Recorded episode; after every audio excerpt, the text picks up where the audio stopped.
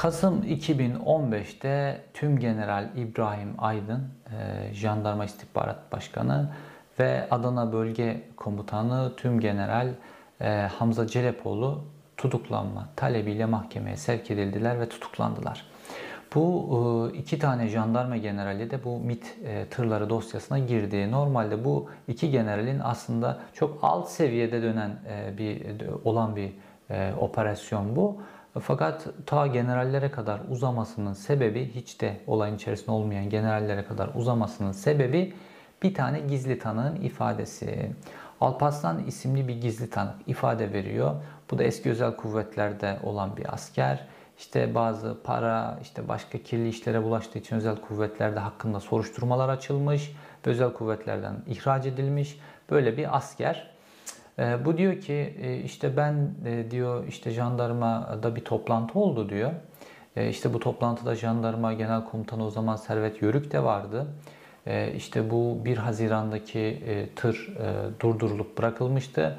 Servet Yörük talimat verdi. Dedi ki işte bundan sonra Suriye'ye bu şekilde silah sevkiyatına kesinlikle izin vermeyin. Böyle tırlar olursa da durdurulun. Burada karar alındı. Ondan sonra devletin başka bir teşkilatına karşı karar alındı. Dolayısıyla da bunlar oldu. Bu kararı uygulayanlar da bu iki tane generaldir diyor. Ve bu ifadeden dolayı bu iki general tutuklandığı gibi dönemin jandarma genel komutanı Servet Yürü'yü sonra İrfan Fidan ifadeye çağırıyor. Düşünün Milli İstihbarat Teşkilatı Başkanı ifadeye çağrıldı. 7 Şubat'ta ülkede deprem oldu. Jandarma Genel Komutanı Servet Yörük ifadeye çağrılıyor. Ve gidiyor sessiz sedasız İrfan Fidan'a ifadesini veriyor. Fakat tutuklamıyor İrfan Fidan. Onu serbest bırakıyor. Yani düşünün yani böyle bir olay oluyor. Birinde ülke yıkıldı. Birisinde hiçbir şey olmadı. Jandarma Genel Komutanı da aslında bakarsanız Milli İstihbarat Teşkilatı Başkanı kadar önemli bir adam. E, fakat e, şöyle bir durum var. E, daha sonraki savunmalarda generaller de diyorlar ki bir diyorlar HTS kayıtlarımızdan bakılabilir. Ankara'da bütün böyle il jandarma komutanlarının olduğu o tarihte bir toplantı olmadı. Olsa mutlaka kaydı olur. İki, e, jandarma genel komutanlığı o sırada yeni bir binaya, komutanlık tarafı yeni bir binaya taşınıyor. O binada öyle bütün bu kadar kişinin katılabileceği kadar büyüklükte bir şey yok. Ondan sonra komutanların hatta bazıları o sırada yurt dışında e, gizli tanığın söylediği komutanlar böyle bir toplantı yok deniyor. Fakat bunu hiç dikkate almıyor.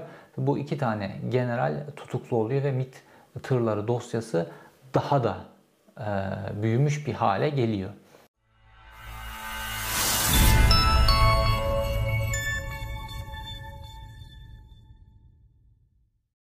Şimdi o MİT tırları e, olayına doğru giderken biliyorsunuz bir Afyon'da bir cephanelik patlaması meydana gelmişti. E, ondan sonra ve e, makine kimya endüstrisinin bazı silah kalıpları çalınmıştı. Böyle e, ve işte soğan yüklü bir tırın içerisinde silahlar çıkmıştı vesaire. Konya'da bir tane tır e, durdurulmuştu. Tırın içerisinde Konya sanayide üretilmiş hava çelikten havan başlıkları vardı vesaire. Böyle olaylar var. İşte o Afyon'daki patlamada aslında patlamanın çok da büyük olmadığı orada e, patladı yok oldu denen bir sürü cephaneliğin Suriye'ye sat Suriye'deki o gruplara satıldığı falan böyle şeyler konuşuluyordu. MK'nin bu kalıplarından da çeşitli silahlar üretildiği çalınan kalıplardan. Dolayısıyla böyle sürekli bir gündem var aslında bu e, şeyle ilgili. Şimdi bir mekanizma var. Bir mekanizma kurulmuş. O mekanizma ne? İşte eğit, donat, silahlandır diye bir mekanizma var. Esad'ı devirmek için işte Avrupa Birliği'nin çeşitli ülkeleri, Amerika Birleşik Devletleri, Türkiye'nin oluşturduğu bir koalisyon var. Ve bu koalisyonda şöyle bir e, görünmez bir karar almış.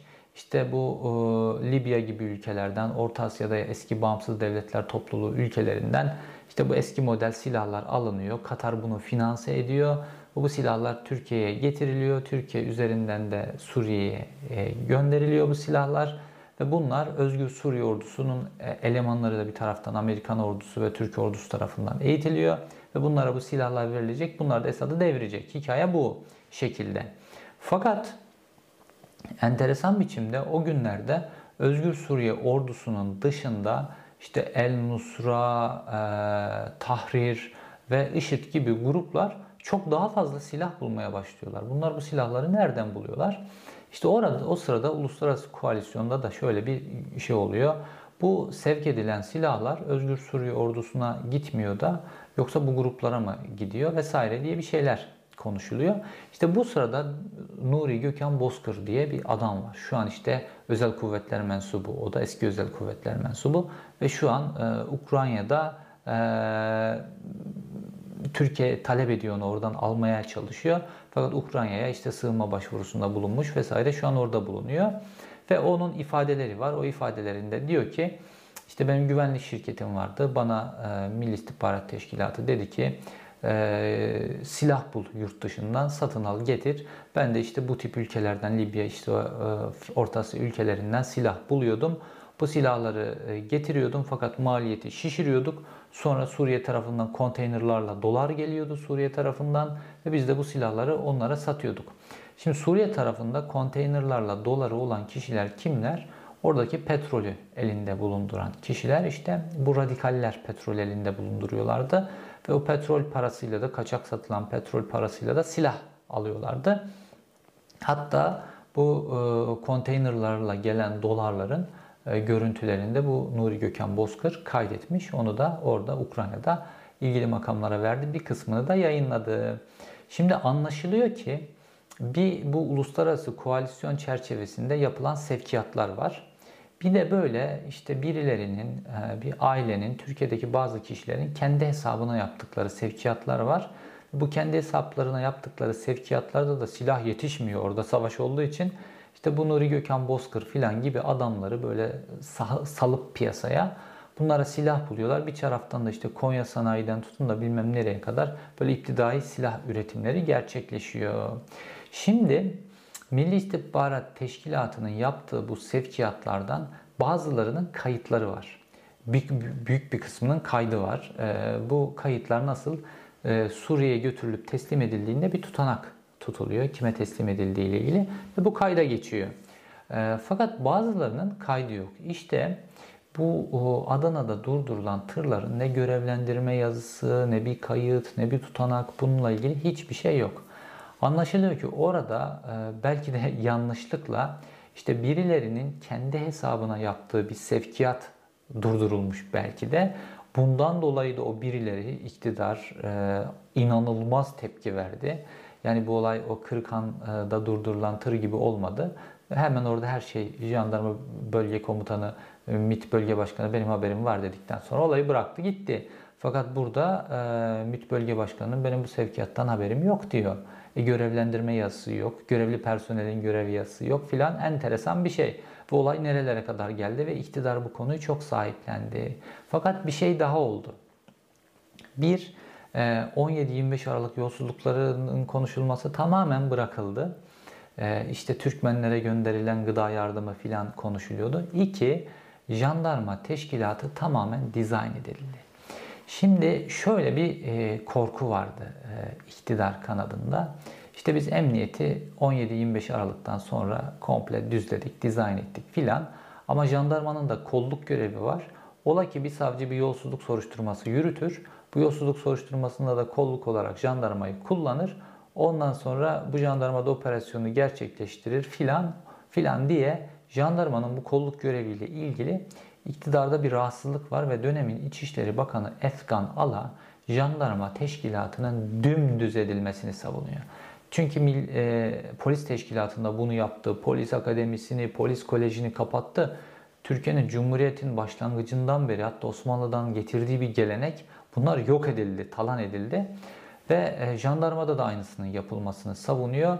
Fakat işte hmm, Necdet Özel e, döneminde de bu gündeme gelmişti ve Necdet Özel e, kendisi de jandarma kökenli bir asker olduğu için Necdet Özel e, jandarmanın işte böyle İçişleri Bakanlığı'na bağlanması, yapısının tamamen değiştirilmesine falan kesinlikle karşıydı.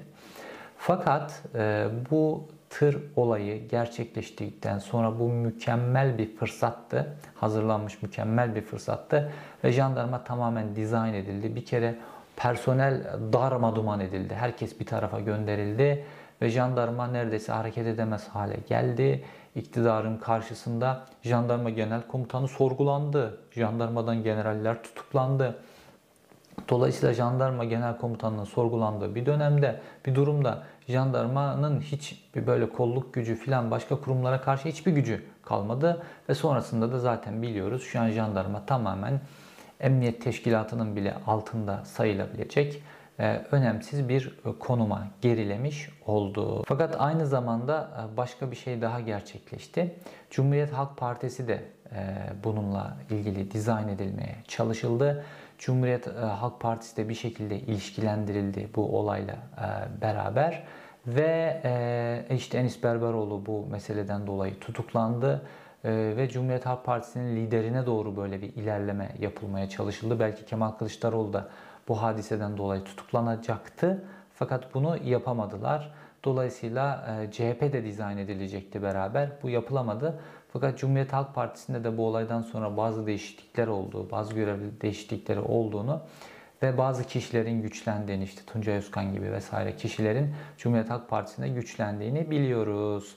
E, ve Cumhuriyet Halk Partisi'nin iktidara muhalefet gücünün de o süreçte kırıldığını biliyoruz. Çünkü e, özellikle 17-25 üzerinden Kemal Kılıçdaroğlu iktidara çok yükleniyordu. Fakat bu sefer işte MİT tırlarıyla ilgili kendisine yapılan, e, partisine yapılan suçlamalara cevap vermek durumunda kalan bir parti durumuna geriledi. Peki yargıda durum ne oldu? Şu an e, Yargıtay 16. Ceza Dairesi ilk derece mahkemesi olarak bu dosyayı yürütüyordu. İşte üst düzey komutanlar, generaller filan da yargılandığı için. Ve Yargıtay 16. Ceza Dairesi işte tüm talepleri neredeyse reddedip askerlere cezalar yağdırdı. İşte bu Gültekin Assubay, genç Assubay, bu telefon eden Assubay 20 yıl ceza aldı. Kimileri 30 yıl aldı, kimileri 5 yıl aldı, 3 yıl aldı, 6 yıl aldı, 8 yıl aldı. Çeşitli düzeylerde cezalar dağıtıldı.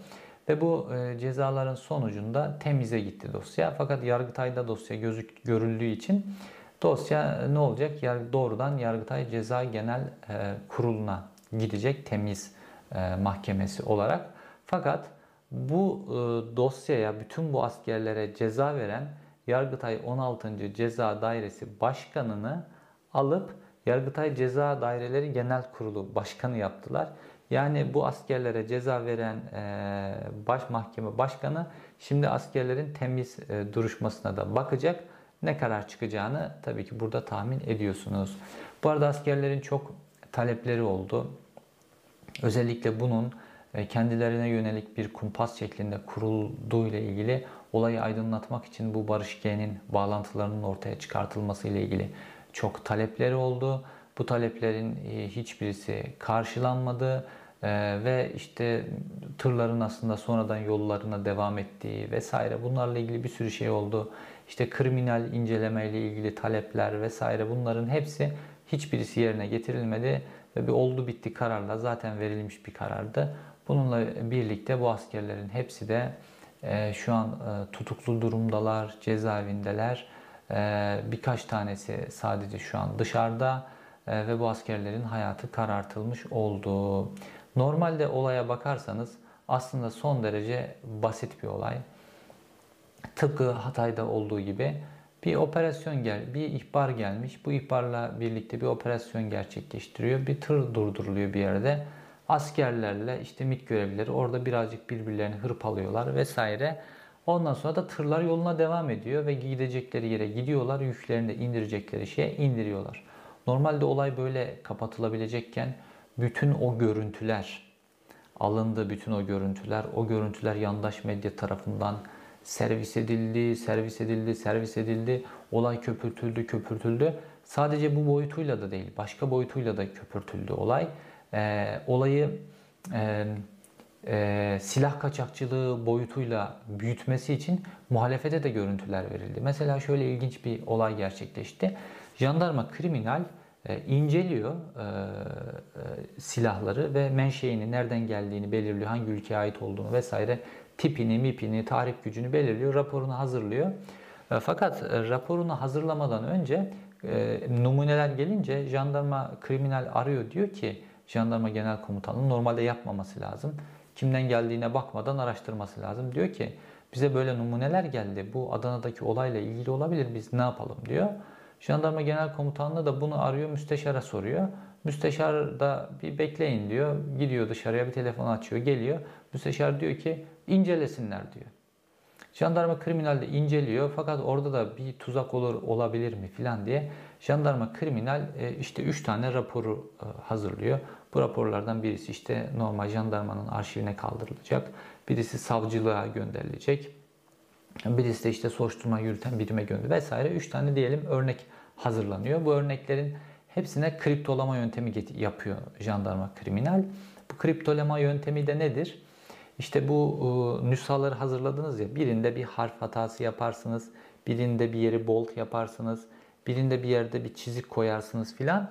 Üç nüshaya ya da böyle küçük küçük farklılıklar yaparsınız ve nereye gönderilen nüshada ne tip bir farklılık yaptığınızı da yazıp tutanak altına alırsınız. Dolayısıyla bu belgelerden birisi sızarsa nereden sızdığı belli olmuş olur ve bu tutanağı hazırlıyor ve gönderiyor.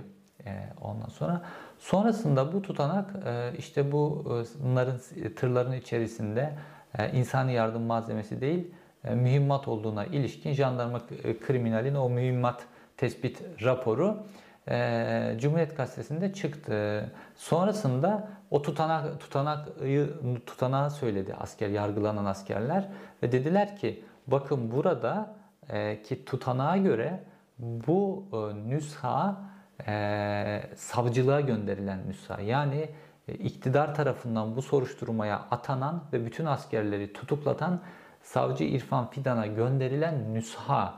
Dolayısıyla bu savcılık tarafından bu e, Cumhuriyet Gazetesi'ne sızdırılıyor. Çünkü olay köpürtülüyor.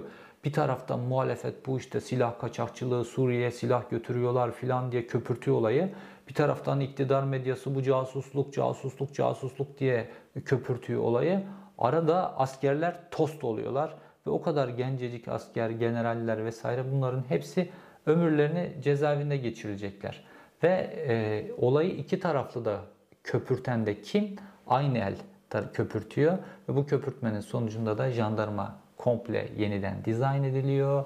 17-25 e, Aralık hiç konuşulmuyor ve bütün medyada iki tarafıyla da birlikte bu e, sazana gelmiş oluyorlar. Tabi gazeteciler açısından olay bu boyutuyla tabi düşünülemez. Gazeteciler sonuçta orada bir olay olmuş onu yazarlar filan diyersiniz. Deriz tabii ki e, gazeteciler olayı aydınlatmaya içindeki detayları yazarlar. Fakat olayın köpürtülme biçimindeki bir eli ben size anlatmaya çalışıyorum. Bu elde böyle gerçekleşti ve şu an gerçekten çok yazık biçimde o askerlerin hayatı böyle birilerinin politik, stratejik, kumpas oyunları e, uğruna Türkiye'yi dizayn etme oyunları uğruna orada cezaevinde yok oluyor, mahvoluyor. Çoğu gencecik çocuklarından, eşlerinden ayrı durumdalar. İşte vatan haini, casus, terörist damgası yemiş durumdalar. Bunlar bu ülkenin emek harcayarak, para harcayarak yetiştirdiği askerler, subaylardı. Hepsinin hayatına mahvoldu. Türkiye'nin jandarma gibi bir kurumu yok oldu. Ee, oradaki gelenekler yok edildi. Şimdi işte e, PESBA'ya bir kuruma dönüştü neredeyse ve Türkiye e, değerlerini böyle bir bir kaybediyor. MİT tırları dosyası ile ilgili e, şu an için söylenecekler bunlar. Tabi olayın içerisindeki pek çok detay ileriki süreçte de ortaya çıkacaktır. İzlediğiniz için teşekkür ederim. Bir sonraki videoda buluşmak üzere.